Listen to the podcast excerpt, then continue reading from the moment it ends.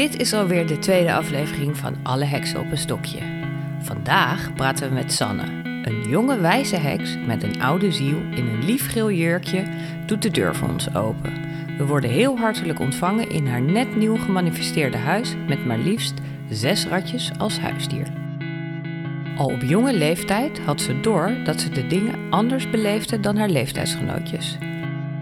Een solitaire heks noemt ze zichzelf die wel graag haar kennis deelt met anderen via het internet. Ze is op Instagram te vinden onder de naam Hocus Pocus Sanne. Heel veel luisterplezier! Nou, hoi Sanne. Hoi. Wat fijn dat wij hier uh, mogen zijn bij jou thuis. Ja, ik vind het leuk dat jullie mij gevraagd hebben hiervoor. Je noemt jezelf een heks. Ja. Hoe wist jij dat je een heks uh, bent? Ja. De term is natuurlijk nog steeds heel een beetje uh, heel erg beladen. dus het heeft ook even geduurd voordat ik iets had van, nou, ik ben een heks. Um, ik ben altijd al wel anders geweest, vooral heel alternatief. En dan word je eigenlijk al een beetje in dat hokje geschoven met, uh, met dat soort dingen. En um, een paar jaar terug, uh, ongeveer drie jaar geleden, heb ik heel erg pijn in mijn knieën gekregen. maar daar, ze weten nog steeds niet echt wat het was. Ze denken dat het geïrriteerd kraakbeen is, maar er is niks aan te doen. Ik heb het soms nog.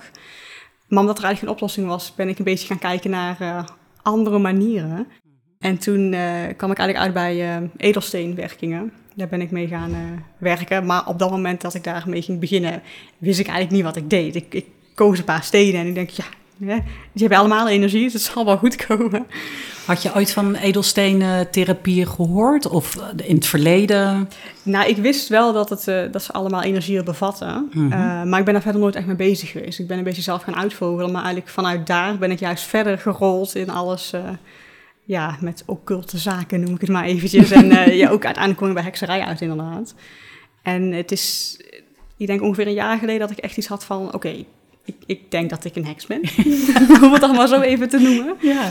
Ja, dus dat uh, ging eigenlijk heel natuurlijk, rolde ik daar gewoon verder in en... Ja, het is een beetje echt een manier van leven. Het is jezelf eigenlijk een beetje vinden. Dat hoor ik van heel veel mensen. Dat je denkt, oh hé, hey, zoveel dingen zijn in één keer heel logisch nou. Dat je graag de natuur in gaat en dat je ook echt wel met dat soort dingen bezig bent. En, ja, dan klopt het ineens. Ja, het klopt gewoon. Ja, ja, je hebt zoveel rust in je hoofd, ervaar je ook in één keer als je een beetje je pad vindt. En um, uh, rust in je hoofd, wat zijn dan die dingen waardoor je rust er bent gaan ervaren? Vooral omdat je beseft waar je rustig van wordt. Ik okay. vind hekserij ook altijd een beetje een grote self-care therapie, noem ik het ook wel eens. Want je bent natuurlijk heel erg met jezelf bezig en, en met je ja. lichaam en met spiritueel. En um, je gaat meer mediteren en dat soort dingen. En dan kom je er ineens achter van, oh, dit werkt en ik word hier gewoon rustig van. En ik ga ook veel vaker naar buiten. En ik, ik ben ook veel bewuster van alle geluiden die ik naar buiten hoor. Net als nu hoor ik een vogel ja, naar buiten. ik hoor hem ook net. Ja, en dat vind ik dan dat heel fijn. Vroeger was ik dan ja, nooit ja. zo echt mee bezig. Maar nu merk je dat ik denk, oh, wat fijn. En je zegt self-care therapie. Hè? Wat, wat maakt hekserij voor jou het verschil tussen... Want je noemt jezelf een heks. Mm -hmm. Wat is dan het verschil van... oh, ik ben uh, uh, met mezelf bezig en ik doe aan self-care... of ik ben een heks? Ik denk als je als je heks bent, ben je veel meer bewuster van alles. Hm. En vaak is die selfcare een beetje een, een soort van trendachtig idee. Hè? Dat zie ik ook uh, bij mijn, mijn werk zie ik heel veel boeken voorbij komen. En dan, uh, het, het, werkt allemaal waarschijnlijk ook wel. Als je, het is ook meditatie en stappen die je door kan nemen. Maar ik denk als je heks bent, dat je gewoon zoveel meer bewuster bent van alles om je heen. En dat je het ook echt veel serieuzer neemt. Dan dat je denkt, oh, ik ga nou even dit stappenplan uitvoeren. En uh, over een week voel ik me weer goed. Maar ja. dit is iets wat je moet blijven doen. Ja, levenswijze. Ja, het is een levenswijze inderdaad ja. gewoon. Het is iets wat je eigenlijk altijd mee blijft nemen. En niet uh, met één therapiesessie uh, of één meditatiesessie, dan ben je er. Dat, nee. dat werkt zo niet. Je blijft continu groeien en, en aan jezelf werken. Ja, want hoe ben je, hè, want je zei van, je bent er vanzelf ingerold, begon met die edelstenen. Ja. En wat is er allemaal gaan lopen? Wat ben je allemaal gaan ontdekken? Nou, uh, na die edelstenen, het eerste boek wat ik eigenlijk kocht was, um, ik geloof dat het The Witch's Book of Self-Care ook heet. En uh, ja, uiteraard. En daar stonden ook allemaal kleine rituelen in. Maar het is vooral ook de basis van uh, het aarde. Dus daar begin je mee. En dan ga je naar kleine rituelen toe. Het, het ritueel van verbranden kent iedereen wel. Dat, uh, als je iets los wil laten, dan schrijf je het op een papiertje en je gooit het en in het vuur. Ja. En dat was eigenlijk het, het, eerste ritueel wat ik, wat ik deed. Het uh, was om een schuldgevoel los te laten. Oh, mooi. En um, Eh, Maar heel, heel, heel klein en knullig, denk je dan altijd. Maar dat was op dat moment dat je denkt, oh, dit is eigenlijk iets ja. waar ik me wel in kan vinden. En vanuit toen, ja, ga ik steeds mijn boeken lezen. En toen kwam ik eigenlijk op het eh, pad van echt hekserij. Dat, dat het zoveel meer is dan wat iedereen denkt dat het is. En dat het niet eh bezemstelen en, en ketels is. Of mooie punthoeden. ja, zijn ook leuk. maar dat is niet voor iedereen. Nee. En dat is ook de buitenkant. Ja, Het heeft, het, het- het heeft allemaal met elkaar te maken. Ja. En het, hoor, het heeft ook allemaal symbolische betekenis. Maar Zeker. dat is wat men Ja. ziet. Ja, ja en, En het leuke is juist kant zit ja, dat je vaak binnen. niet eens weet bij iemand of ze hek zijn of niet. Want Nee. iedereen eh, ziet er anders uit. En de mensen denken vaak, oh, die eh, draagt altijd zwart, dat moet een hek zijn. Maar Ja. het zijn ook eh, de mannen en vrouwen die gewoon in een spijkerbroek en ja, polo shirtje rondlopen. Zeg maar. zeker. Ja. Of een meisje in een mooi geel jurkje. ja. Zeker. Ja. Heb jij, ben jij eh, ehm, speciale eh, mensen gaan, of speciale, ben jij heksen gaan volgen? Hoe, ehm, Ja, ik eh, heb er een aparte Instagram voor gemaakt, Mhm. die ook een klein beetje ontploft is naar mijn mening. Daar ben ik, ik ben er eigenlijk vooral mee begonnen omdat ik gewoon mijn pad een beetje wilde gaan delen en dingen wilde leren. En ik merkte dat op Insta had je natuurlijk heel veel van die tags en dan vind je heel veel mensen. En zo ben ik, eh, ik weet ook begot niet wie de eerste was eh, die ik ben gaan volgen. Ik heb echt werkelijk geen idee meer. Maar vanuit daar heb ik zoveel mensen leren kennen die ik over heel de wereld, die ik ook wel vrienden mag noemen eigenlijk op dit moment. Eh, waar je toch van leert. En, en hun leren ook van mij, hoor ik vaak. Dat vind ik ook heel leuk om te horen.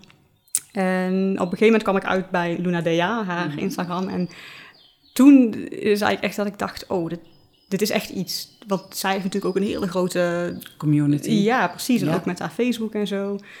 En dat was wel echt een, eh, een beetje een eye-opener van... ik ben niet de enige. Er zijn zo ontzettend veel mensen die, die dit Ja. pad ook volgen. En ieder op zijn eigen manier natuurlijk. Eigenlijk als ik jou zo hoor eh, spreken, dan, dan heb je bijna een wereldwijde coven. Heb je via Instagram ja. eh, Ja. Want je, ben je een solitaire Ik ben heks wel of echt zit je ook... solitair. Nee, ik ben echt solitair. Maar dat is ook een beetje het social anxiety probleem, denk ik, Mhm. wat ik ook wel heb. ik, ben, ik doe graag dingen alleen, maar ook vooral ehm, als ik iets in groepsverband moet doen, voel ik vaak druk en daar kan ik niet zo goed mee omgaan. Dus dat vind ik heel onprettig. Dus ik doe alles eigenlijk alleen. En ik leer heel graag van andere mensen, maar ik zie mezelf niet een, eh, een, een jaarfeest met eh, tien man doen of zo. Nee. Dat eh, lijkt me hartstikke leuk om dat een keer bij te wonen hoor. Maar Ja, dat is niet iets wat ik zelf waar jouw behoefte doen. ligt. Nee, Nee. Dat, dat heb ik niet zo. Maar welke behoefte heb je dan wel en, en hoe vind je die? Het is vooral zelf groeien, denk ik. Vooral zelf dingen ontdekken en zelf dingen doen. En eh, het gaat ook wel eens fout. Ik, eh, ik gooi ook wel eens een potjes met kruiden om. Er vliegt een eh, papiertje in de fik wat nog niet de bedoeling was. Dat, dat gebeurt ook wel eens allemaal.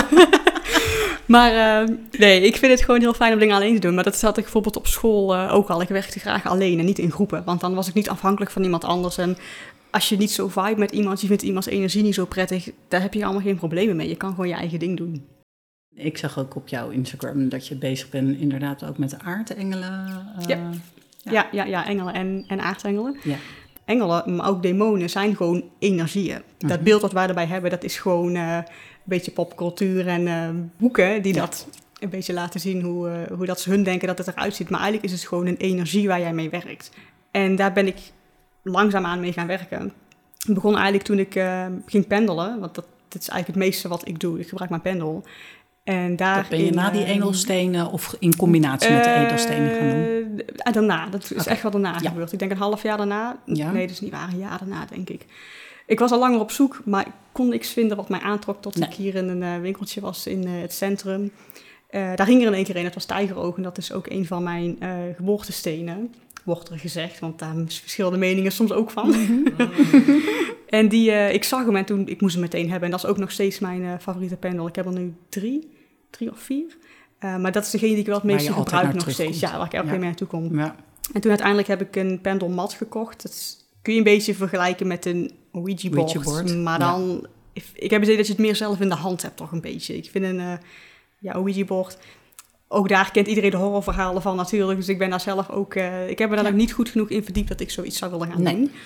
Maar met die pendelmat kun je dus ook dingen laten uitspellen. En toen heb ik op een gegeven moment gevraagd van... Nou, met wie spreek ik dan in godsnaam? Want Ja. ik weet het ook niet. ja. En daar werd toen daarna Michael dus uitgespeld. En toen dacht ik van... Dat is Nou, maar volgens één. mij heb ik volgens mij heb ik je te pakken. Ja. En dat bleef toen eigenlijk steeds terugkomen. En dat, Oh, eh, toen ik daar meer informatie over ging opzoeken, blijkt ook dat juist uh, aartsengel Michael degene is die het snelste doorkomt en Ja. heel graag communiceert inderdaad. Dus zo is dat eigenlijk een beetje gekomen met die engelen. Ja, is ook altijd bij je. Ja, en, en ehm, dat pendelen, de- de- de- heb je, want eh, je ging naar dat winkeltje, je zag daar die tijgeroog-pendel hangen. Heb je toen boeken gelezen daarover? Hoe moet ik dit doen? Of was het een intuïtief iets? Ik weet dit. Ja, het- ik wist natuurlijk al wel een beetje de Mhm. basis ervan. Ja. Eh, en ook dat je wel, eh, dat doe ik ook altijd voor ik een ritueel of iets anders eh, of pendelen doe. Ik trek altijd met wierook een cirkel. Eh, want dat houdt je energie binnen, maar ook de slechte energieën eventueel. Die houden Mhm. het ook buiten. Zeg je er een spreuk bij? Nee, nee, Nee. Ik, ik doe het Cirkel gewoon rond en dan is het gewoon, voor mij is dat genoeg inderdaad. Ehm, dat doe ik wel altijd van tevoren. Als ik alleen ben, niet zozeer, maar als mijn vriend in de kamer is, dan Ja. eh, doe ik dat wel. Want je weet, eh, je weet het soms niet wat er kan gebeuren. Eh, en toen ben ik het gewoon eigenlijk een beetje ja, op intuïtie gaan doen. Gewoon vragen stellen waarvan jij de antwoorden weet. En dan kom je er heel gauw achter dat het werkt. En de eerste keer dat ik ook de juiste antwoorden kreeg, vond ik ook doodeng. Dat ik eigenlijk ook het ding weg wilde gooien en dacht, oeh, mij niet meer gezien. Maar juist omdat het zo interessant was, Ja. bleef ik er wel naar terugkomen. Ja. En die eerste keer dat je dat deed, toen vroeg je ook... eh, oh nee, je zei, je, je, je was een paar keer dat aan Ja, het doen. is en toen heb je gevraagd... Toen kwam je er eigenlijk achter, hallo, wie heb ik op de lijn? Ja, ja, dacht ik van, maar wacht eens even. Ja. Met wie ben ik hier aan het communiceren? Ja. Maar dat, dat die naam eruit zou komen, Nee. ik dacht dat het Nee. gewoon, eh, want iedereen heeft natuurlijk eh, gidsen. Ja. Dus ik dacht, het is gewoon mijn gids een komt er- de- ja, eruit. Ja, en die kwam pas later eigenlijk. En Ah. ik vind het ook heel grappig, want je merkt ook juist echt de energieverandering in de pendel. Als ik met een van mijn, met echt mijn gids praat, dan gaat het ook zoveel harder. Dan, eh, dan beweegt hij veel ja, wijder, sneller, zeg Ja. maar. Ja, en als die is ik dichter, dichter bij jou. ja, nee, als ik met Michael praat, gaat het wel langzamer. Maar Ja. ik, ik praat ook met, met andere heksen eh, die bijvoorbeeld niet kunnen pendelen, waar gewoon niks gebeurt. Ben je wel echt verder leeg in je hoofd? Ah, nee, ja, ik ben nooit helemaal... ja, nou ja, nee. Nee, nee. nee ik ben geen eekhoofd. Zullen misschien andere mensen anders over denken. Nee, ik, ik merk juist dat mijn, mijn brein altijd een beetje doorraast. En eh, daarom vind ik mediteren ook best wel pittig. Ik heb daar heel veel moeite mee om eh, alles Mhm. uit te zetten. Maar hoe vaker je dat doet, gaat het wel beter. Ja. En met pendelen, in het begin dan raast het ook wel hoor. Dan gaat het Ja. nog steeds door bovenin eh, in die bovenkamer. Maar Ja. als je eenmaal bezig bent, dan gaat het wel. En het is ook vooral natuurlijk het openstaan voor dingen. Want als je, je kan het allemaal gaan doen. Je kan allemaal hekserij gaan, gaan leren en weet ik het wat. Maar als jij Nee. het niet gelooft en niet, niet denkt dat er echt iets kan zijn... dan gaat het ook gewoon niet werken. En dat is ook prima. Of te graag, dat, dat zou misschien ook nog kunnen. je oh, ik wil het zo, hè, ik wil bewijs. Ja, maar is dan is, misschien de- dan is je motief verkeerd, denk ik. Want dan, dan wil je van... Oké, als er dus nu niks komt, dan is Ja. er ook niks. Nee, maar dat is een hoofdgedachte. Ja. En als je het gewoon... Ja, de- dan heeft het alles weer met hart en vertrouwen te Ja, maken. Je, Dan- je intentie moet ook altijd wel juist zijn bij, Ja. eh, bij dat soort dingen. En misschien Ja. dat het dat dan is. Dat het daarom niet werkt bij bepaalde mensen. Hey, en en ehm, oké, Michael kwam door. Ja. En ehm, de, de, toen, de- ik kan me voorstellen dat je toen informatie over engelen, aartsengelen bent gaan zoeken. Was je Ja. toen al met Damien... eh, Damien Eccles. Ja. Ja, Damien Eccles die volg ik al... ehm, jeetje, dat is denk ik al bijna tien jaar. Eh, Ja. het heeft natuurlijk een heel verleden. Dat eh, zal ik nou niet te veel op ingaan, want dat is een heel ander nee, maar kan je, kan je kort voor de luistraars die hem niet kennen Ja. vertellen? Ja, Damien. Eccles is een van de West Memphis Three, noemen ze het in Amerika. Dat is, ehm het zijn drie jonge mannen geweest, eh, ik geloof in de jaren tachtig, als ik me goed herinner. Die zijn opgepakt omdat er ehm, jongetjes waren vermoord op, ja, volgens de politie, rituele wijze. Eh, en omdat eh, Damien en ehm, zijn vriend eh, Jason, dat wa- hun waren goede vrienden, die hielden allebei van ja, heavy metal en een beetje, ook Wicca Ah, was hij ook ja. wel een beetje in. Daarop zijn hun beschuldigd, omdat hun de, ja, een beetje de outcast waren. Ehm, en ze vonden hun duivels, maar hun hebben nooit iets gedaan. Ik geloof dat ook zelfs het later uitgekomen is dat het waarschijnlijk de stiefvader is geweest van een van die jongetjes die het gedaan heeft. Maar dat is ook nooit bewezen, geloof ik. Maar zo ben ik een beetje op dat pad gekomen. Dat is ook, het doet me ook altijd een beetje denken aan die heksenvervolging. Je wordt veroordeeld op iets waar jij niks mee te maken hebt, omdat je er anders uitziet, omdat je anders denkt en doet. En dat is dat ook een beetje geweest. En in 2012, als ik het goed heb, eh, zijn ze vrijgesproken. Ehm, door schuld te bekennen. Wat ze dus, ze hebben het niet gedaan, maar dat is een plea deal heet dat. Dan beken jij schuldig, maar dan laten ze jou vrij. Maar ondertussen heeft Damien dus wel over 18 jaar uh, in een geïsoleerde cel gezeten. Hij draagt ook een, een, gekleurde bril aan, omdat hij gewoon niet meer goed tegen daglicht kan. Hij kon niet meer schrijven, dat soort dingen. En hij is zich heel erg meegaan. Uh, hij heeft eigenlijk overleefd in die cel door magie te gaan beoefenen. maar daar kwam ik pas later achter natuurlijk, toen hij vrij was en hij die boeken ging schrijven. Dat heb ik ook nooit geweten. Ehm, maar zo uh, ben ik eigenlijk ook een beetje daar bij die engelen beland. Omdat hij heel veel uh, van die sigils uh, deelde op zijn Instagram. Toen dacht ik gewoon, wat, wat, is dit dan allemaal? En toen ben ik daar weer verder ingerold eigenlijk. Dat hij geeft ook heel veel lessen via zijn Patreon en zo. Um, en boeken uiteraard, die natuurlijk ook uitgebracht. Met heel veel goede informatie, ja. vind ik zelf. Over dus ja, engelen. Over engelen en ja. ja. Ja, ja, want daar werkt hij ook heel veel mee. En is hij... Um ja, om maar zo te zeggen, jouw leermeester daar, of leermeester, dat um, klinkt wat hoogdravend, ja, maar is wel nou ja, degene waar jij je informatie echt daarover vandaan Over, uh, over of heb je nog wel. meer? Ja, okay. nee, over Engelen eigenlijk wel echt, want ik, ja. er zijn wel heel veel andere schrijvers en schrijvers die daar natuurlijk over uh, schrijven.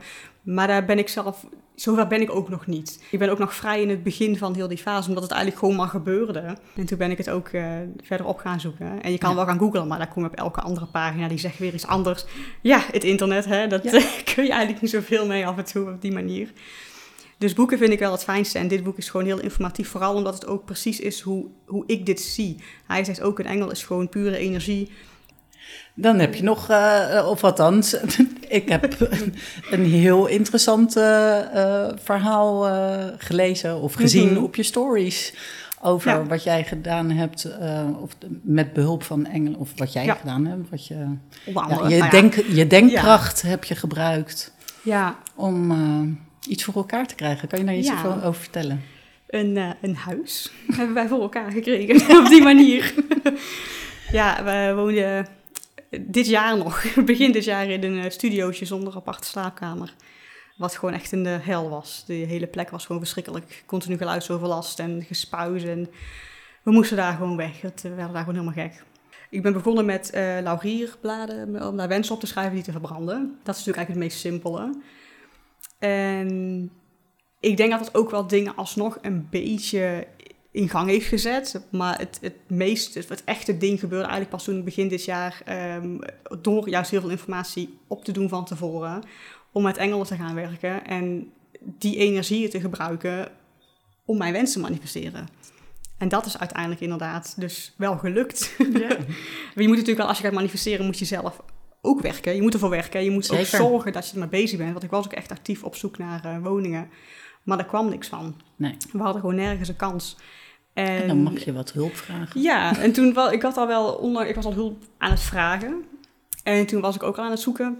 En toen kwam er uiteindelijk wel iets op ons pad. Het was een, uh, een appartement met één extra slaapkamer. Uh, voor de hoofdprijs natuurlijk. dus het was ook niet optimaal, maar ik moest iets.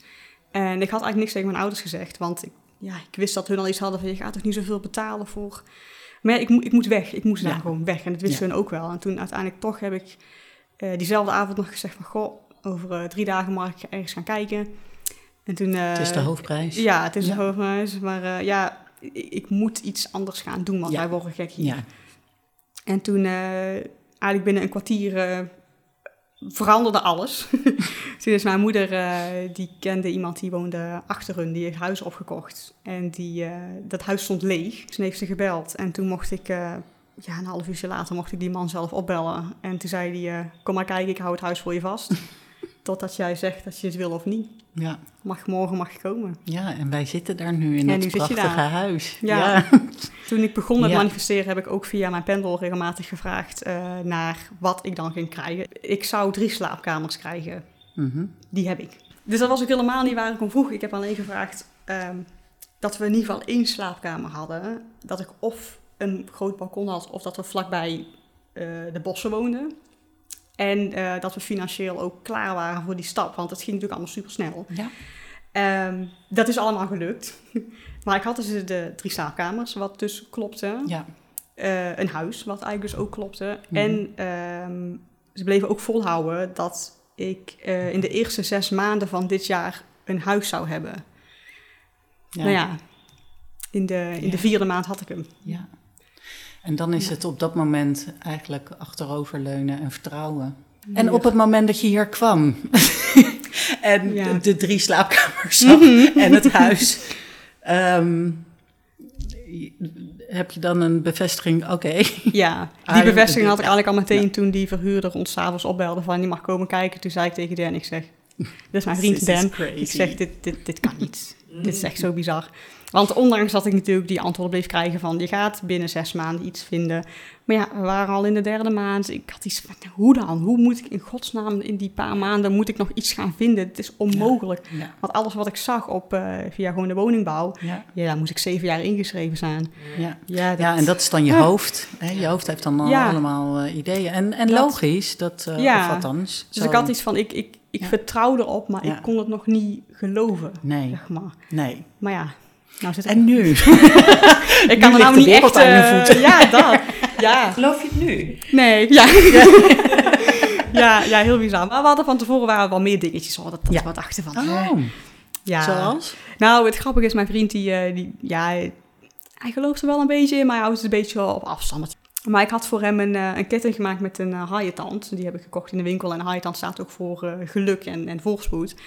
En hij was zijn telefoon kwijtgeraakt in het bos. Een hele tijd terug, in, eh, in december, toen het zo sneeuwde. Ah. Heel fijn. Toen hebben we, met de pendel kun je dus dingen zoeken.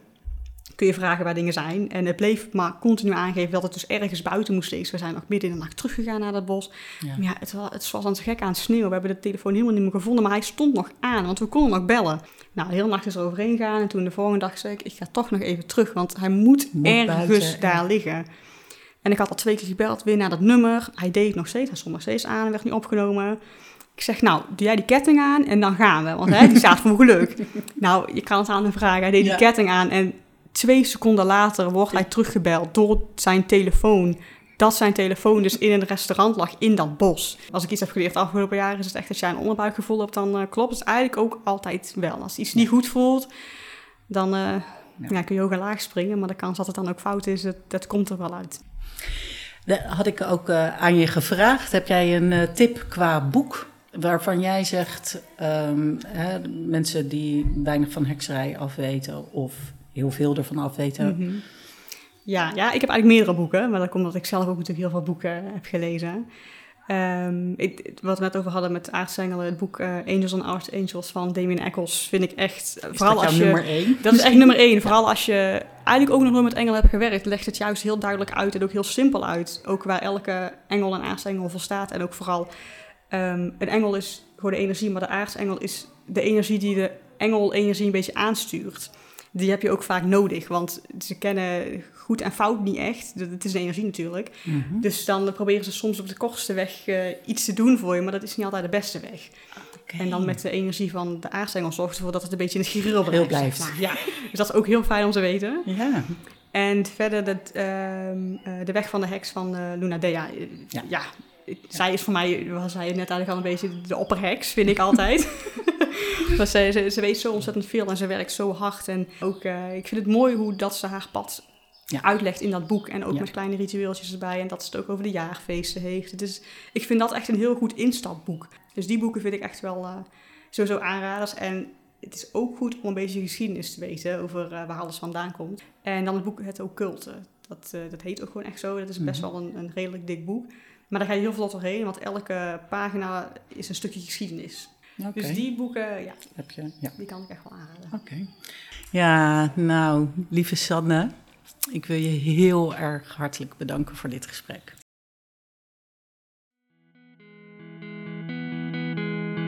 Bij de volgende volle maan komt er weer een nieuwe aflevering van Alle Heksen op een stokje.